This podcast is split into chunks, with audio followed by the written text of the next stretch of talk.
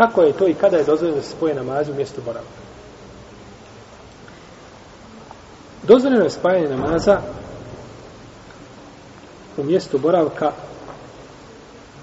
zbog kiše, zbog vremenskih nepogoda. Po mišljenju većine islamskih učenjaka. Kod većine učenjaka, kod džumhura je dozvoljeno da se spoje namazi ako ima velika kiša ili drugi razlog sličan tome zbog hadisa Ibn Abbasa koga bilježi ima muslim u svome sahiju da kaže spojio je poslanik sallallahu srne podne i kindiju jakšem jaciju u Medini a nije bio na putu i nije bio u strahu i nije bilo kiše. Šta je uradio poslanik spojio u Medini podne i kindiju akšem jaciju a nije bio na putu. I nije bio u strahu i nije bilo kiše. Tako kaže Ibn Abbas. U redu. Iz ovoga zaključujemo da je spajanje radi kiše bilo šta? Poznato. Jer kakav, kakav bi onda razlog bio ili kakva bi mudrost i hikmet bila da Ibn Abbas kaže a nije bilo kiše kad se onako po kiše može spajati namaz. Znači te bi riječi bile šta? bespotrebne. A nemoguće je to Ibn Abbas kazao od sebe da Ibn Abbas govori tako nešto kome je poslanik sa osam poučio dovu za razumijevanje kitaba i sunneta. Kada je upitan Ibn Abbas šta je htio time, kaže nije htio da optereti svoj umet. E, sada dobro slušajte. Ovo je bitno. Ako shvatite, shvatite kako se hadisom dokazivao. A ako ne shvatite, proće vas hadis, nećete razumijeti kako se dokazivalo hadisom. Kaže Ibn Abbas, kada je upitan, šta je, zbog čega je to uradio poslanik sam rekao je šta? Nije htio da optereti svoj umet. Dobro. U hadisu nije spomenuto zbog čega je spojio poslanik namaz, je li tako? Sallallahu alaihi sallam. Kaže se spojio u Medini, a nije bio u strahu, nije bio na putu i nije bilo kiše. Pa dobro, koji razlog? Nema razloga. Pa imate danas neki kažu spojio je poslanik u Medini bez razloga. I to je musibet. Te riječi su musibet. Da se spaja bez razloga, kao što čine oni koji su ostavili mezheb ehlu sunata od džemata i spavaju namaze kada im se protiv da spoje. Poput šija i slični njima. Kad god žele da spoje, ne smeta. Ehlu sunat ne kaže spojio je poslanik bez razloga, to je pogrešno. Nego Ibn Abbas kaže spojio je poslanik sa osam u Medini. Nije bilo čega. Kiše. Nije bio na putu i nije bio strah. Kada je upitan zašto je to uradio, kaže nije htio da optereti svoj umet. U redu. Ove riječi nije htio da optereti svoj umet. Znači, da poslanik sa osaleme nije spojio, bili opteretio umet. Bil ne bi? Bi. Jer nije htio da optereti. Znači da, je, da nije spojio, bilo bi opterećenje ljudima. Znači, postoji nekakav razlog, ali ga Ibn Abbas nije šta spomenuo. Baš tako drugačije se hadis ne smije razumijeti. Onda u protivnom odnosmo da kažemo, kad god ko hoće da spoji, meni je muka, vruće mi, ovaj, ili žurim neku da odmah spojim van namaza i tako smo onda upali u ono, ovaj, naravno što posudio imam je Buhanif. što on, jer on najžešći po ome pitanju. Kod njega nema spajanja na putu, a kamo da ima u mjestu boravka kome živiš. A naravno što bez razloga.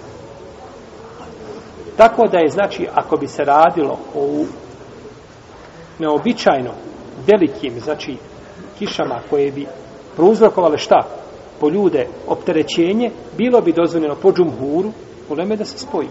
Dok po drugima šta? Nije. To je raziraženje kao po pitanju brojni drugi, znači, ovaj, a, mesela ili fikski pitanje.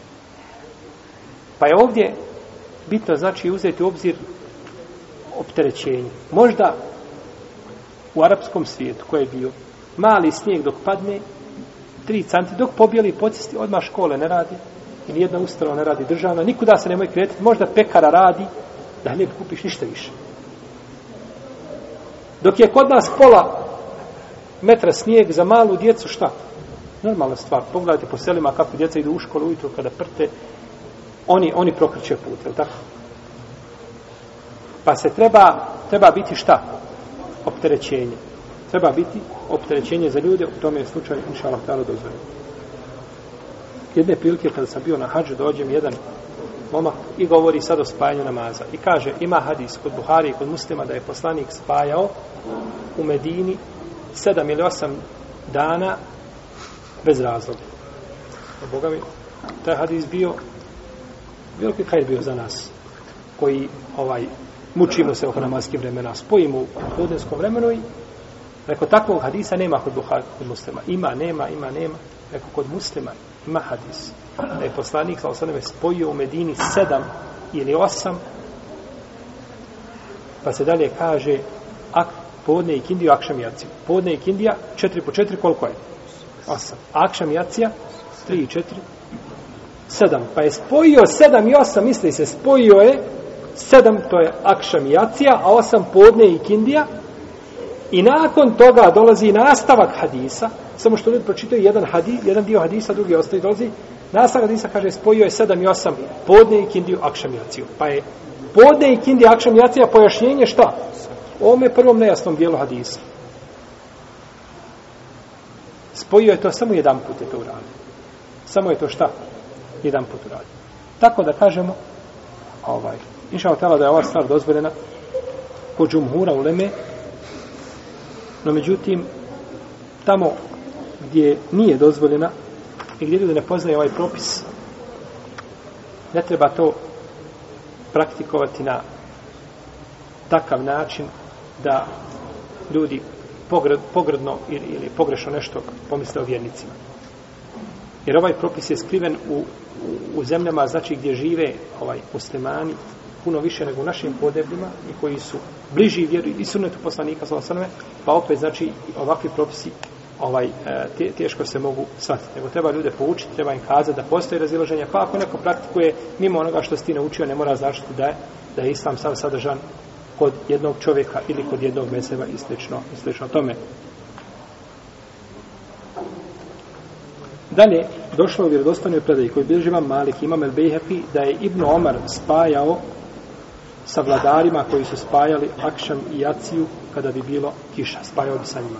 A vi znate da je Ibn Omar bio jedan od naj, najustrajnijih u sljeđenju suneta poslanika, sallallahu alaihi sallame, kako kaže Aisha, nisam nikada vidjela nikoga da, da tako sledi sunet kao Ibn Omar. A kaže Ibn Musejib da nekome posvjedočim da je Dženepleja od ljudi bez dokaza posvjedočio bi Ibn Omar. I on je bio sigurno, znači žestok u tome, on je silazio obavljeno nuždu gdje je poslanik sallallahu alaihi sallam obavljao iako to nije opće sunne da se tako radi. No, međutim, pogledajte ljubav prema poslaniku, sa osaleme, pa šta mislite onda kada je riječ o spajanju namaza, što ulazi u temelj čovjek koji vjere sigurno Ibn Omer to ne bi radio ovaj. I druga stvar, niko to nije Ibn Omeru osudio. Niko nije rekao po Ibn Omera šta radi, živ bio. Od koga si to nasledio, od koga si to vidio i tako, i tako da. I prenosi se od prenosi Šam ibn Urve od svoga oca Urveta i Sejde ibn Musejba i Ebu Bekr ibn Abdurrahmana al-Mahzumija da su spajali znači Akšam i Jaciju kada bi bila a, noć kišovita i to niko im nije osuđivao i ovu predaju bilježi imam al-Bejhepi sa ispravnim lancem prenosilaca. I došlo je Musa ibn Ukbeta da je Omer ibn Abdelaziz spajao Akšam i Jaciju kada bi bila kiša. Omer ibn Abdelaziz je peti pravedni halifa, kako ga neki nazivaju, peti pravednom halifom, i ovu predaju je zabilježio imam Bejhaqi sa ispravnim lancem prenosilaca. Znači, dozvoljeno je gdje imaju opterećenje u ovakvim slučajima, znači da se spoje dva namaza kod jednog dijela učenjaka.